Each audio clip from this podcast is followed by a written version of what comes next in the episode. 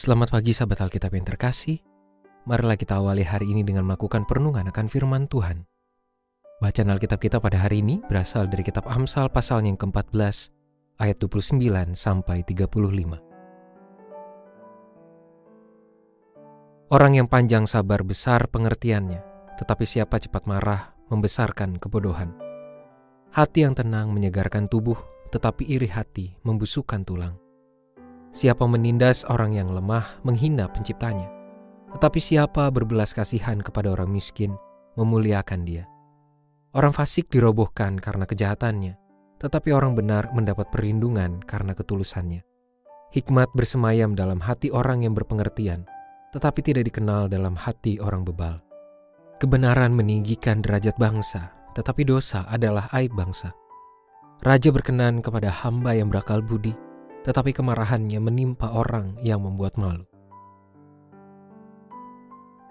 Kondisi hati akan sangat memengaruhi hidup seseorang manusia dalam menghadapi realitas kesehariannya, termasuk pada caranya berrelasi dengan manusia lain yang ada di sekitarnya.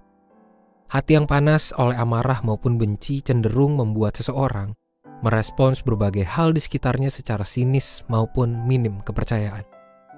Sedangkan hati yang tentram cenderung memampukan seseorang menanggapi berbagai hal dengan lebih tenang, meskipun kenyataan hidupnya sedang menunjukkan sebuah kondisi penuh permasalahan.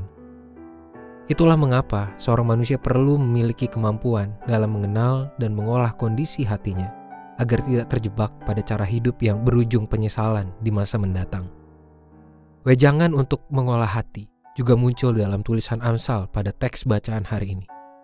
Bagi penyair Amsal, hati yang tenang dan kemampuan seseorang dalam mengendalikan perasaan maupun antusiasmenya sangat berperan untuk menghantarkan seseorang pada tindakan-tindakan bijak yang minim kesalahan.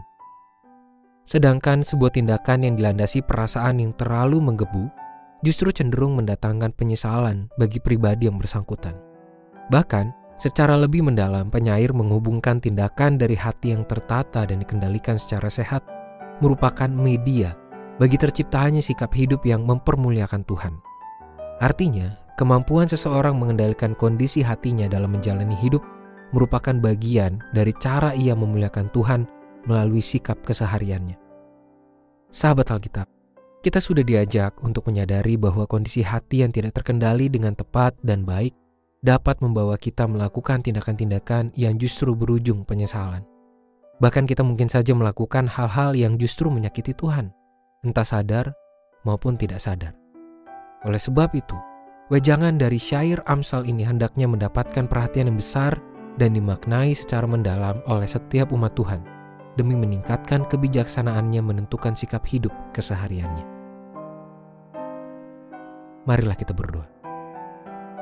Tuhan kami berterima kasih untuk firman-Mu yang mengingatkan kami tentang pentingnya bagi kami dapat mengendalikan kondisi dan suasana hati kami, agar kami tidak bertindak hanya berdasarkan apa yang kami rasakan, tetapi kami memiliki hikmat untuk bertindak dalam mempermuliakan nama Tuhan melalui cara kami berelasi dan berkomunikasi dengan orang lain.